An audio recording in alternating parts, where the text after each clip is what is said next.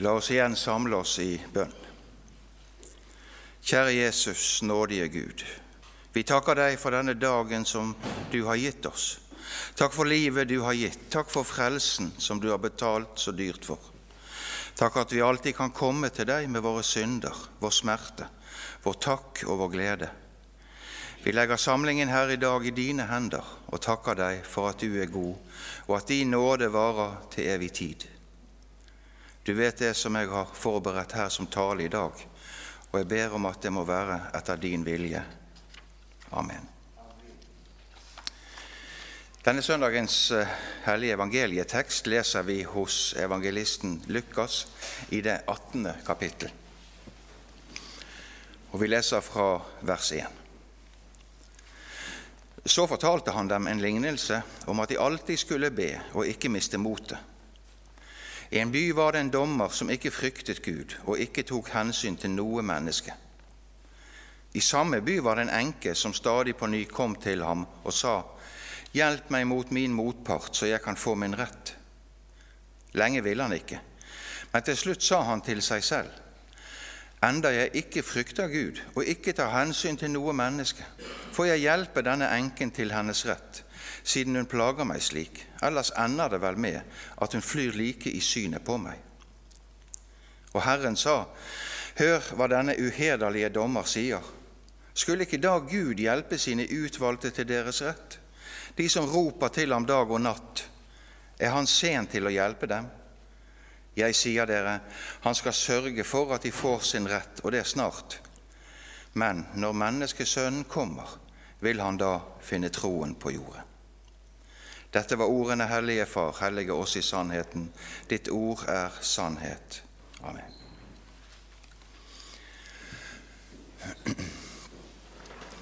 Teksten denne søndagen handler altså om bønn. Det ser vi i det første vers, at vi alltid skal be og ikke miste motet. Der har vi to momenter fra Jesu munn om bønn som vi kan se litt på i dag. Be alltid, og bli ikke motløse. To utsagn som nok rører noe i alle og enhver av oss. Hvem kan be alltid og ikke bli motløs? Så kan vi spørre oss dette. Hvorfor ber vi egentlig? Hva ber vi om? Og hva er bønn egentlig? Viktige spørsmål som kan ha forskjellig svar, alt etter hvem vi spør. Og så er det viktigste alltid at vi går til Bibelen og ser hva Ordet sier oss om denne saken. Den som lider av en sykdom, vil stadig kunne be om dette om helbredelse, og det ligger langt fremme i bønnelivet. Er noen av ens nære og kjære syke eller borte fra Gud, vil bønn om helse og frelse for den eller de være noe man helt naturlig legger frem for Gud. Kanskje truer økonomiske vansker, arbeidsledighet, relasjoner kan være vanskelige i familie, på jobb, i menighet osv. I det hele tatt vil jo alle slags vansker, problemer og sorger vi opplever, være en selvsagt del av vårt bønneliv og noe man stadig minner Gud om. Man ber Gud om en inngripen, en løsning, og så tenker man kanskje om bare dette var ordnet, så ville alt bli bra. Og så glemmer man kanskje ja, jeg kan bare se på meg selv. Så glemmer man å takke Takke for alt det man har fått. Det blir så lett selvfølgelig, alt det vi har rundt oss. Men mange mennesker i vår verden har ikke mat på bordet. De lever i sult og fattigdom, flykter med livet som innsats og drepes i krig og uro. Og stadig flere drepes rett og slett for det at de tror på Jesus. Vi som bor i Norge, har mye å takke Gud for, for Gud har velsignet oss til denne dag. Men altså be alltid, sier Jesus. Alltid. Det høres så voldsomt ut, og man føler umiddelbart på en dårlig samvittighet. Det er da så mange andre ting man skal gjøre gjennom en dag. Man har det travelt, og det å sette av tid til bønn er vanskelig nok i seg selv. Og så blir det kanskje bønn før man sovner om kvelden. Men hva med å be i bilen eller på bussen, når man går på tur eller lignende? Det er mange her som gjør det. Og ikke trenger noen påminning om det. Vi lærer mye av Jesus selv om bønn. Det er Han som har gitt oss Fader vår, og han sier i Matteus 6 at slik skal dere be. Og så kommer bønnen som vi kjenner som Fader vår, selv om den nå har en endret begynnelse og begynner med Vår Far. Han sier òg hvor vi skal be, i vårt lønnkammer. Altså alene sammen med Jesus, uten noe som forstyrrer vårt sinn og vår tanke. Å finne et slikt sted er ikke alltid så enkelt. Men Jesus vil ha frem dette at våre omgivelser så lett påvirker og forstyrrer oss. Og når vi faller til ro, så blir det lettere å dvele ved og konsentrere seg om bønnen. Om ikke vi har denne ro, så vil det lett kunne bli overfladisk og kanskje sågar mekanisk. For bønn er fortrolig samtale mellom menneske og Gud, ingen teknikk som på magisk måte gjør at vi kan styre Gud i vår retning. En annen lærdom som vi kan trekke av Jesus når han ber, er hans bønn i Getsemane. Han er i angst og nød, for han vet hva som venter. Pine og den fysiske smerten, spott og fornedrelsen, og til sist et fortvilet rop om hvorfor Gud har forlatt ham, og så død. Om det er mulig, så la denne kalk gå meg forbi, ber han. Men så sier han, ikke som jeg vil, bare som du vil. Han satte sitt liv inn under Guds vilje og ville bare gjøre det som Gud ville han skulle gjøre. Det er den sterkeste, modigste og samtidig den mest ydmyke bønn et menneske kan be. Når man har lagt alt frem for Gud, alt man ønsker seg og trenger, og så legger til dette bare som du vil, Gud. Da legger man alt sitt eget til side, i trygg forvissning om at Gud vet, og at Hans vilje er bedre for meg enn min egen vilje og mine egne ønsker. Så tar jeg med dette verset som vi nettopp sang det første verset, som Vidar Kristiansen har skrevet. Den vanskeligste bønnen å be med ærlig sinn er bønnen 'La din vilje skje'. For egenviljen blander sitt eget ønske inn, og ovenfor Guds tanker er viljen ofte blind. Men Herre, gi meg motet til å be 'La din vilje skje'. En flokk samles her i kirken før gudstjenester og møter til bønn. Takk til dere for den tjenesten som dere står i. Det er en viktig tjeneste som ingen må tenke lite om. Bønn er som å puste, sies det.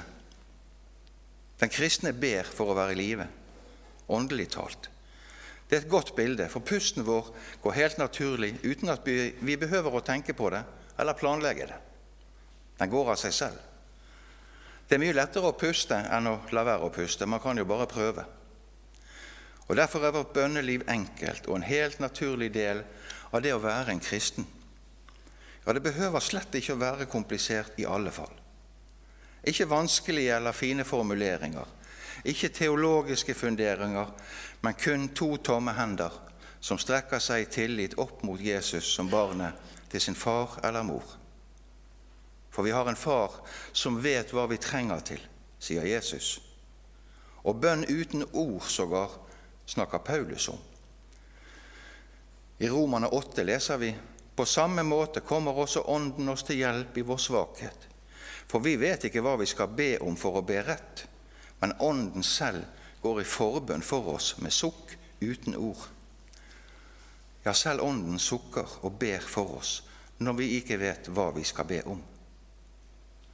Det er den hjelpeløses bønn som når Guds hjerte. Vi kan helt ha mistet troen på vår egen kristendom, vårt trosliv. Vi kan se at gamle synder kommer tilbake om og om igjen. Nederlagene er mange. Det seirende kristenliv er bare en fjern tanke som ser ut til å gjelde andre, men ikke meg. Når man er der og føler seg i et åndelig mørke og kraftløs, så kan man be Se i nåde til meg, Jesus, for han vet. Intet er skjult for ham en skremmende og kanskje litt usannsynlig tanke, men han gir nåde og tilgivelse. Du og jeg, vi husker våre synder, men Gud glemmer dem. Hvordan kan dette skje? Hvordan kan vi få denne kjærlighet og nåde av Gud som er hellig? Jo, vi ber i Jesu navn, Det eneste navnet som gir oss dette, nåde og frelse. Intet annet navn er gitt oss enn Jesu navnet. I dette navnet har vi alt vi trenger, og mere til. Intet av vårt eget hører hjemme i bønnelivet. Ingenting av våre gjerninger eller tjeneste kan holdes frem for ham som en slags betaling eller for å blidgjøre ham. Nåden er for intet. Vi får den for ingenting uten gjerninger. Ellers var det jo ikke nåde. Det er jo derfor tolleren bønnhøres og er rettferdig, men fariseeren ikke. Fortellingen om disse kommer rett etter vår tekst i Lukas 18. Fariseeren ber, 'Jeg faster og gir tiende', og han holder dette opp for Gud som bevis på at han fortjener alt det som Gud kan gi. Gud vil ikke ha slikt. Tolleren han har bare sine synder å vise til, og det vil Gud ha. Som vi tror, slik ber vi, heter det. Og troslivet og bønnelivet henger klart sammen. Men hva da når våre bønner er ubesvart, og vi føler at vi venter og venter uten at noe skjer? Man kan sågar oppleve at Gud sier nei. Hva da? Paulus forteller om denne Satans engel som slår ham, og tre ganger ber han om dette, at han må bli fri fra det. De fleste mener at Paulus led av en sykdom, men Gud svarte Paulus, 'Min nåde er nok for deg'. Han fikk altså som svar fra Gud dette at 'nei, jeg tar ikke vekk denne lidelse', den skal du bære med deg videre i livet. Så har vi årsaken til dette i andre kor kapittel 12. Der sier Paulus at det er for at jeg ikke skal bli hovmodig. Gud holdt ham nede i ydmykhet ved hjelp av denne lidelsen han hadde, og at kraften fullendes i svakhet. Paulus' lidelse gjorde ham svak, altså. Det er kanskje ikke en så vanlig måte å se Paulus på. Kjempen og troshelten, apostelen som ble så mektig brukt av Gud. Han skulle være svak. Og så fikk han altså noe som var enda større. Han fikk nåde. Og så skal vi aldri gjøre den kortslutning at syke mennesker trenger sin sykdom pga. stolthet eller som straff. Det er en teologisk kortslutning, og sier vi slikt, kan vi gjøre stor skade. Men det er mennesker som har sagt at denne sykdom har brakt meg nærmere Jesus. Og når bønnesvaret uteblir, så kan livet bli vanskelig. Det kan bli håpløst. Det kan gå sågar på troen løs. Hører ikke Gud min nød? bryr han seg ikke.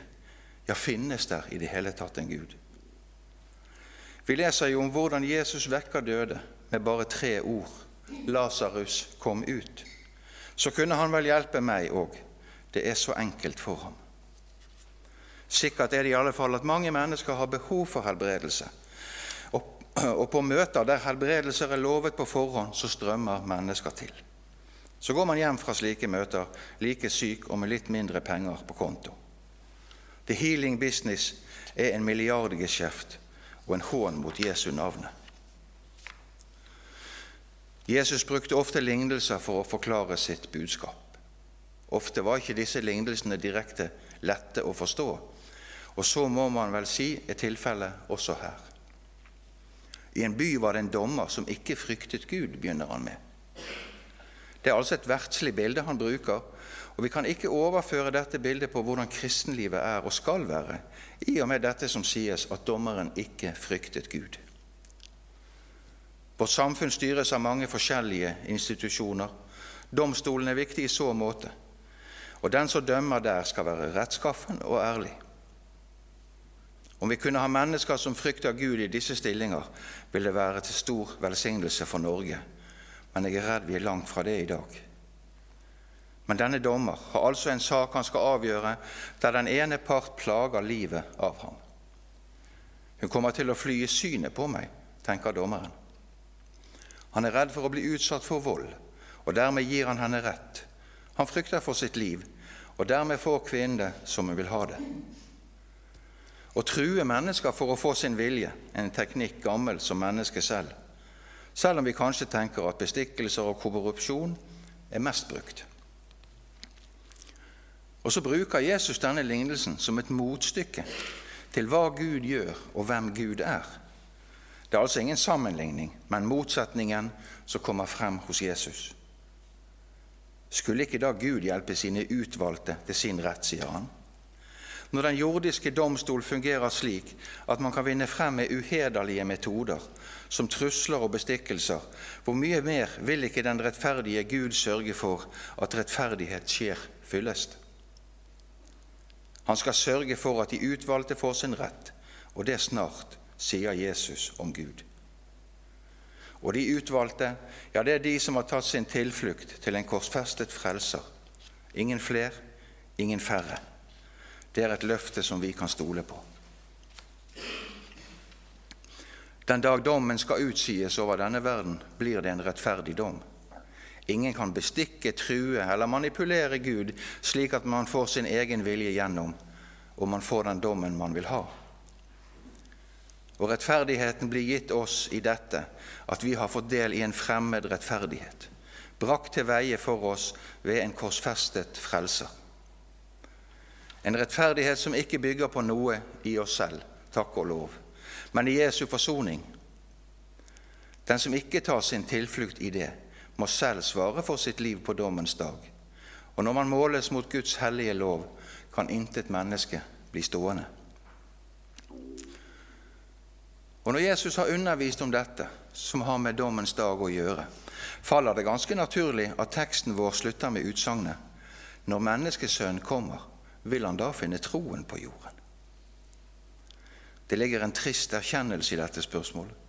Det er kanskje ikke et såkalt retorisk spørsmål, men det ligger et nei som svar her. Tenk det om det ikke finnes et eneste troende menneske på jorden når Jesus kommer. Kan vi se det for oss? Jeg syns det er vanskelig. Men kan det ha sammenheng med bønn, siden det er tema i Jesu lignelse? Vil bønnene opp til Gud ha stilnet, og ingen på jorden ber til ham lenger? Eller er bønnen blitt slik som kvinnen i eksempelet viser oss? Guds folk tror seg å inneha en slik autoritet at de kan fortelle ham hva han skal gjøre. Kommandere Gud, rett og slett.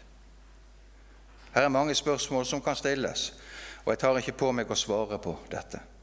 Det kan bli spekulasjoner, men sikkert er det at for hver dag som går, så er vi en dag nærmere Jesu gjenkomst.